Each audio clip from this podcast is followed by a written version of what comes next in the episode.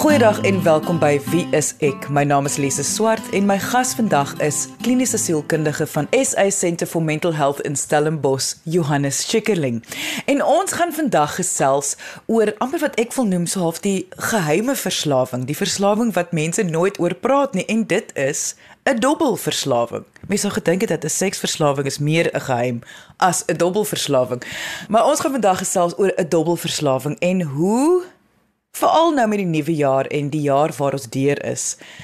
Hoe 'n mens aan hierdie verslawing spesifiek aandag kan gee. Nou Johannes, kom ons begin net oor hoekom praat niemand oor 'n dubbelverslawing nie. Dit voel vir my daar is genoeg mense wat verslaaf is aan dubbel dat dit moet eintlik die hele tyd oor gepraat word. Lisa, jy's heeltemal reg. Ons praat regtig nie genoeg oor dobbelverslawing nie. En dobbelverslawing bly 'n geheime verslawing want mense is eintlik nogal goed om dit weg te steek. Enige instansie wat te doen het met dobbel is ook goed om dit weg te steek of om dit te normaliseer. Ons dink aan iets byvoorbeeld soos perdewedrenne of ehm um, sportsbetting. Sulke tipe goeders en jy sien dit elke dag as jy in die straat ry, sien jy daar so 'n groot bord of wat sê sportsbetting en mense gaan in en uit en niemand dink dit is baie snaaks nie. Dit word amper gesien as hulle reg. Ons almal speel lotto en en so mense die vraag dan waar raak dit 'n probleem en waar is dit eintlik maar net oukei okay om vir jou 'n lotto kaartjie te koop want jy dink dit miskien is jy lucky. Maar dit is ook asof mense nie regtig neerkyk op iemand wat 'n verslawing, 'n dubbelverslawing het nie. Ek dink mense onderskat regtig hoe ernstig dit kan wees. Ek dink hulle sien dit as baie skadeloos. Eers as 'n gesin betrokke raak, dan besef mense regtig eers wat die skade is. Want baie keer word dit ook um, deur die verslaafde self geverf as iets van ek doen eintlik julle 'n guns. Jy weet ek bring geld huis toe of of ek probeer ten minste. Maar die realiteit is dat die die dubbelverslaafde bring geweldige skade nie net aan self nie, maar ook aan hulle gesin. En ons weet dat hulle letterlik 'n gesin sal finansiëel uitroei om te voldoen aan hierdie verslawing. Ek voel ook dat mense sien dit as 'n vorm van vermaak en dit is net iets wat gebeur met arme mense. Dis asof dit word geklassifiseer in groepe wat dis nie ek nie, dit het niks met my lewe te doen nie. Absoluut. So dit word gesien as iets wat net met ander mense gebeur, dat dit skadeloos is, dat dit nie so erg is nie en jy moet eintlik eers op die met 'n bordjie op die straat staan voordat dit gesien word as 'n probleem.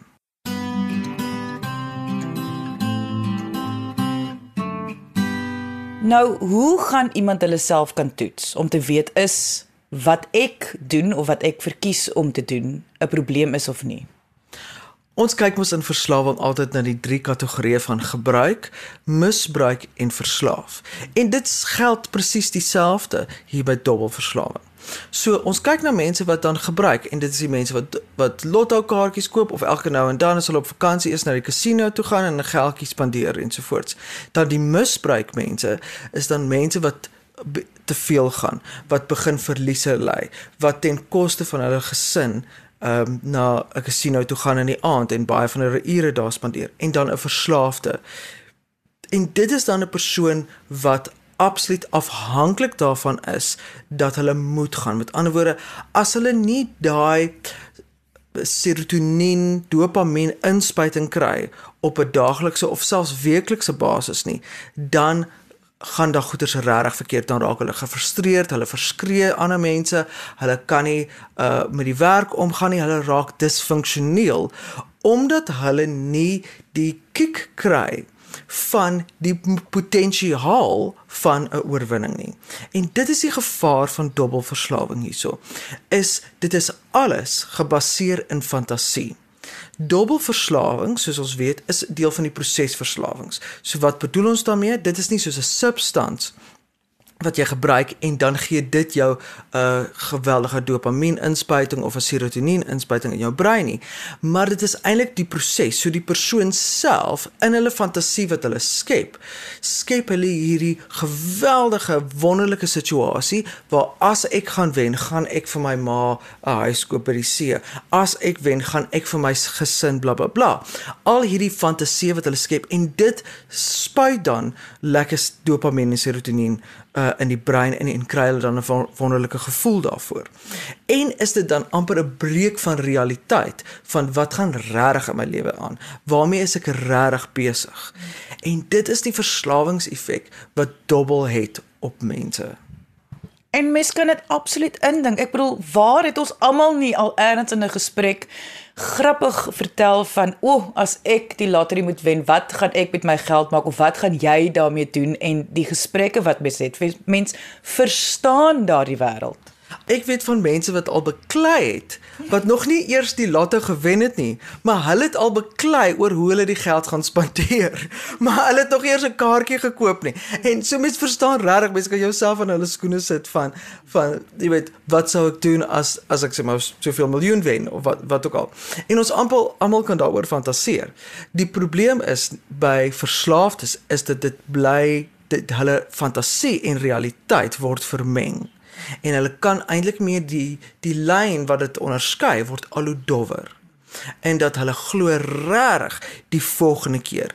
As ek net dit doen as ek op daai nommers is jy weet dit ra dit raak reg fantasie en realiteit word reg vermeng en dat ek moet hierdie nommers kies. Ek moet daai doen. Ek moet op daai stoel sit. O jy weet al daai tipe uh, fantasie wat hulle en bygelowe wat hulle begin ontwikkel. So dit bly nie net in in fantasie nie. Dit word reg realiteit en dat hulle gekke gelowe het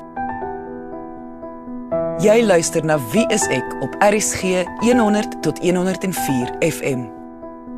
Dit voel alles vir my, dit moet tog gekoppel word aan iets soos 'n angsteernis. Want wat mense hoor is dis iemand wat verslaaf is aan die wat as, maar met 'n obsessiewe komponente aan. Dit ek weet nie hoekom dit voel vir my dan asof hierdie persoon moet ook nogal angstig wees.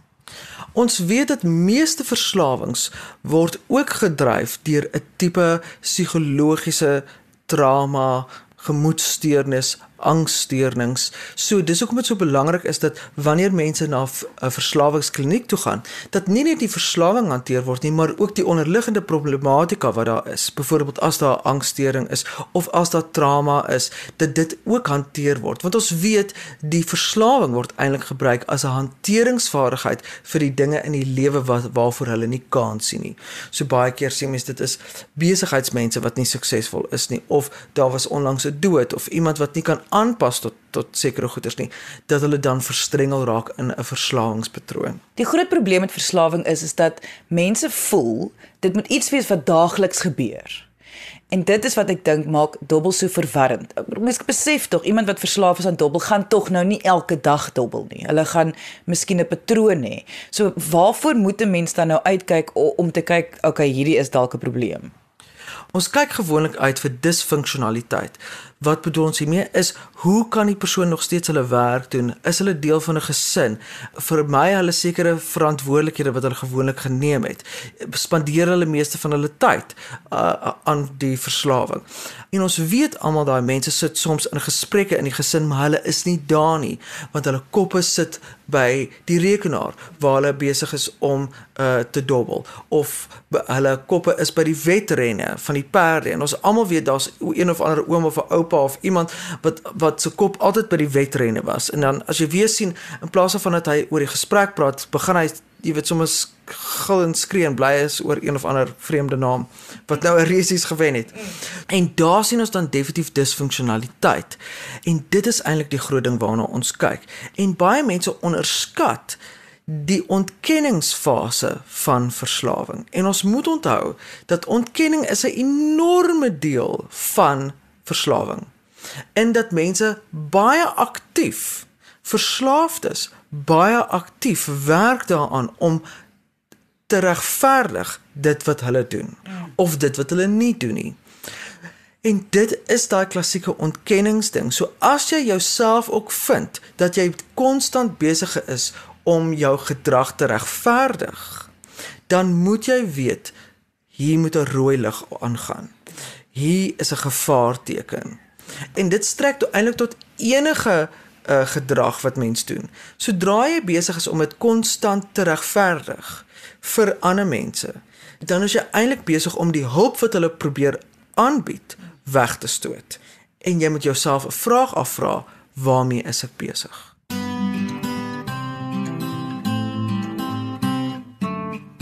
So met ander woorde, teen die tyd eintlik wat ander mense vir 'n individu begin sê jou dobbel is 'n probleem, is dit eintlik al baie langer 'n probleem want die persoon sou dit weggesteek het.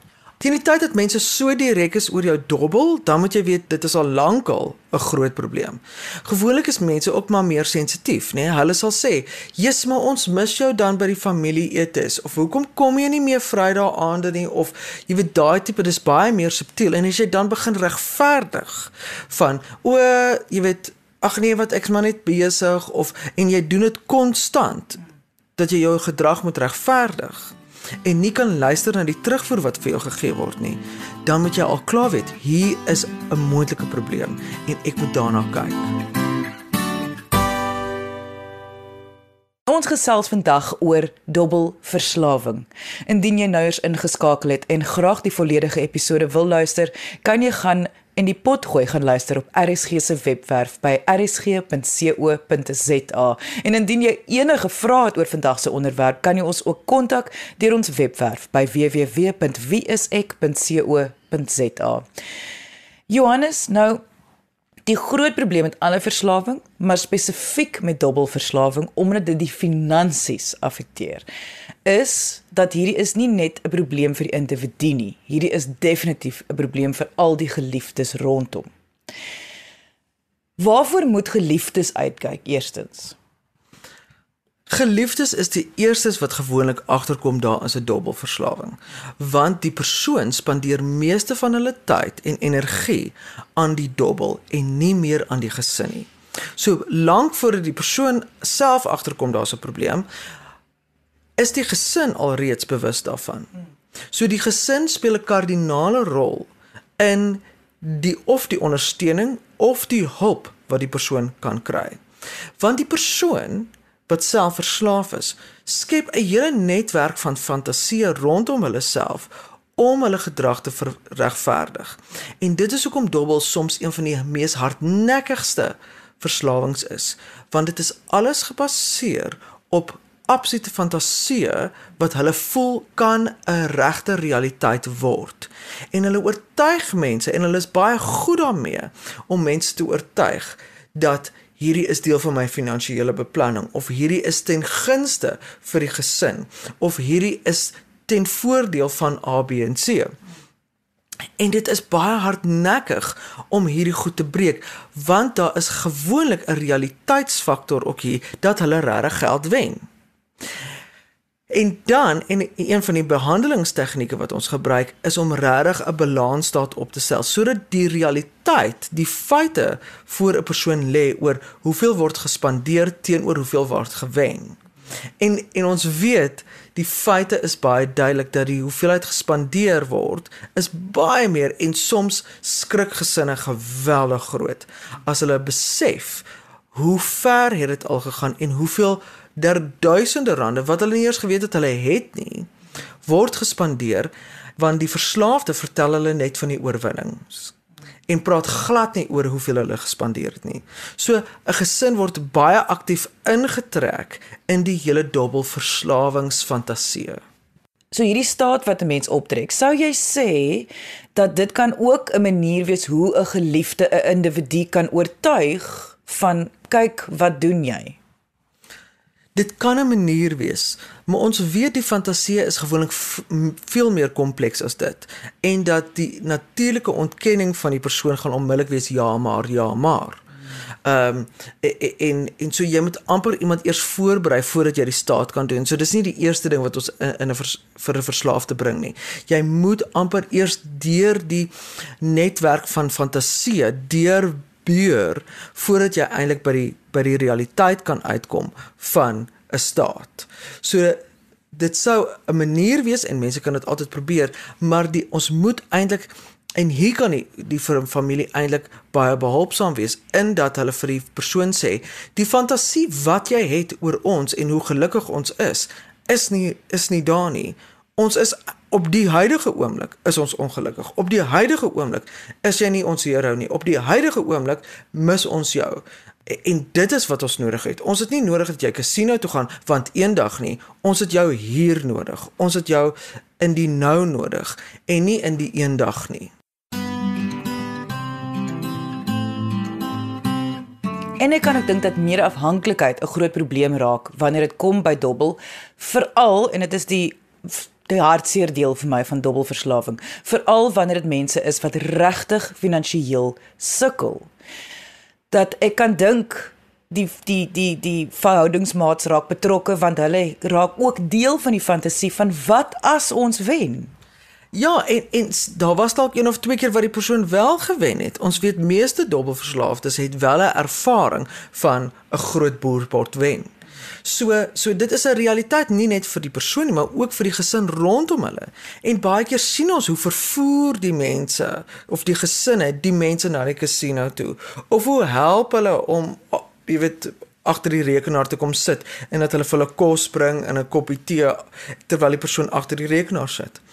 En en ek dink dit is een van die mees moderne verslawings wat daar is want dit is so maklik deesdae om te dobbel want jy hoef nie meer uit jou huis uit te gaan nie jy hoef nie na die kasino te gaan nie die ding is net daar aan die ander kant van jou skerm waar daar kaartspeletjies gespeel word waar daar jy weet internasionale lotto kompetisies is jy weet dat daar al die perde wedrenne ensovoorts ensovoorts die die die moontlikhede is legio vir jou om 'n dobbelverslawing te ontwikkel. En ek dink mense onderskat dit geweldig. Goed, nou indien iemand nou luister of hulle is 'n geliefde en hulle besef hier is iemand of ek is iemand met 'n dobbelverslawing. Kan 'n mens dan op jou eie dit aanspreek? Daar is baie mense wat probeer en ek weet um, selfs 'n uh, dobbelhuise het wetlike verpligtinge dat hulle as hulle sien dat iemand 'n uh, uh, sekere reëls oortree dat hulle dan 'n tipe verbod kan sit op 'n persoon wat nie in die kasino mag ingaan nie of nie in die dobbelruimte mag ingaan nie. En dit is gewoonlik met die ekstreme mense waarmee dit gebeur. So dit is nie iets waarop ons noodwendig kan ehm um, staat maak nie. So meeste mense probeer hulle self help, maar die rede hoekom hulle dit nie reg kry nie, is as gevolg van die netwerk van fantasie en realiteit wat vermeng is. So dit is baie moe moeilik vir die persoon self om te besef wat is realiteit en wat is fantasie, want deel van die verslawing is juis om die twee te vermeng. En dit maak dit geweldig moeilik vir die persoon om om sober te raak. So meeste mense moet regtig gaan vir hulp uh en dit is dan in die vorm van 'n uh, uh, verslawingskundige of 'n terapeut wat regtig opgelei is in verslawing om dan regtig hierdie persoon deur 'n proses te help waar hulle fantasie en realiteit weer begin skei. Soek jy 'n professionele persoon in jou area, gaan kyk op die WSE kontaklys by www.wse.co.za. Soos altyd, die probleem om vir hulp te vra wanneer dit kom by 'n verslawing, is dat die verslaafde glo vas. Hulle gaan nooit weer gelukkig wees as hulle middel of die proses nou in hierdie geval weggeneem word nie. So kan jy dalk net vir mense verduidelik dat daar gaan intedeel baie meer geluk wees in hulle lewe. Yes. En en ek weet baie verslaafdes sukkel geweldig daarmee in dat hulle dink hierdie ding is mos nou die ding wat my gelukkig maak. Hierdie ding is mos nou my my gelukkige plek, my ja, my my my droomwêreld. En nou neem ons dit weg en hoe wreed kan jy nou eintlik wees om dit te doen? En dit is so belangrik dat iemand dan deur hierdie um fantasie werk om te sien die gevangenes waarin hulle eintlik is. Jy weet en en baie keer is dit daai ding van um mense maak die beste van hulle situasie in dat hulle dit mooier maak as wat reg is en dit is so belangrik dat hulle gehelp word om te besef dat dit wat jy dink is mooi is eintlik jou gevangenis is eintlik die ding wat jou vashou is eintlik die ding wat jou terughou en eintlik jou geweldig seermaak. En dit is altyd die komplikasie van enige verslawing is dat die realiteit is dat iemand regtig goed voel. En ons kan nie dit ontken nie, maar ons moet deur daai ontkenning werk om te sê die goed gevoel wat jy nou het is regtig net 'n klein stukkie. Die sleg gevoel wat jy het as gevolg van die klein goed voel is soveel groter en daai um, ontkenning moet gebreek word. 'n Rede vir baie verslaafdes hoekom hulle ook nie vir hulp gaan nie, is omdat hulle voel hulle is swak. Dis hulle skuld dat hulle in hierdie situasie beland het. Is dit waar? Of waar kom 'n verslawing vandaan? Dit is 'n million dollar question. En ons sou en ons sou baie graag daai antwoord wou geweet het, want dan sal ek baie ryk gewees het ook. So so ons kyk gewoonlik na drie faktore. Ons kyk na genetika, ons kyk na hanteringsvaardigheid en ons kyk na die persoon se persoonlikheid. So en as al drie van daai gewoonlik in lyn is, dan sien ons dat iemand 'n verslawing het. So dit is nie noodwendig net omdat jou ouers 'n verslaafde was, is jy ook 'n verslaafde nie. Dit hang regtig van persoon tot persoon af. En daar's baie studies al gedoen rakende tweelinge uh wat dieselfde genetika het, maar verskillende hanteringsvaardighede en verskillende persoonlikhede en dat een raak byvoorbeeld verslaafde en die ander nie. So ons weet nie regtig wat veroorsaak dit nie, maar wat ons graag vir mense wil wil aanleer is dat maak nie saak wat jou predisposisie is nie. Jy kan altyd aan hanteringsvaardighede aanleer wat jou sal help om nie verstrengel te wees in hierdie net van verslawing nie. Jy luister na Wie is ek op RCG 100 tot 104 FM. So daarbey gaan dit nie oor oor hoe swak of hoe sterk jy is nie. Ehm um, dit gaan regtig daaroor dat jy die realiteit in die oë kan kyk en dit kan baas raak en nie die oorsaak daarvan te veel bevraagteken nie. Ons weet nie hoekom jy verslaaf geraak het nie dit help ons ook nie om te verstaan hoekom nie. Die feit is dit is wat dit is en wat gaan ons daaraan doen? En dit gaan nie oor 'n sterk of 'n swak persoon nie. Dit absoluut niks daarmee te doen nie. Dit gaan daaroor of jy bereid is om die realiteit in die oë te kyk, of jy bereid is om nuwe vaardighede aan te leer te midde van jou huidige situasie.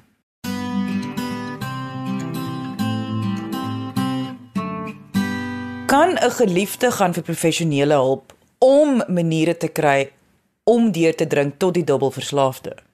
Absoluut. Meeste van dubbelverslawing gebeur eintlik deur die gesin. Met ander woorde dat die gesin eers vir hulp gaan, met ander woorde die mense rondom die verslaafde en dan daarmee saam dan die verslaafde help om dan eintlik deur die ontkenning te breek. Want omdat die netwerk van fantasie so groot en en en kompleks is dat die naastes eers vir hulp gaan en dan eers dit by die verslaafde uitkom. So dit is regtig my advies en dit gebeur eintlik die meeste keer by veral dubbelverslawing dat die gesin eers vir hulp moet gaan om presies te weet hoe kan ons hierdie ding spesifiek tot ons verslaafde aanspreek. Dit was kliniese sielkundige van SA Centre for Mental Health in Stellenbosch, Johannes Schikkerling. Indien jy enige vrae oor vandag se onderwerp het, kan jy ons kontak deur die webwerf by www.wieisek.co.za of kom gesels saam op ons Facebookblad onder wieiseksa. Ons het ook weekdae 9uur live gesprekke met medies professionele mense op hierdie einste Facebookblad. So kom deel jou opinie en gesels saam. Dankie dat jy vandag ingeskakel het. Ons maak weer so. Volgende Vrydag 12:30 net hier op RSG. Jy moet 'n heerlike naweek hê en onthou, kyk mooi na jouself.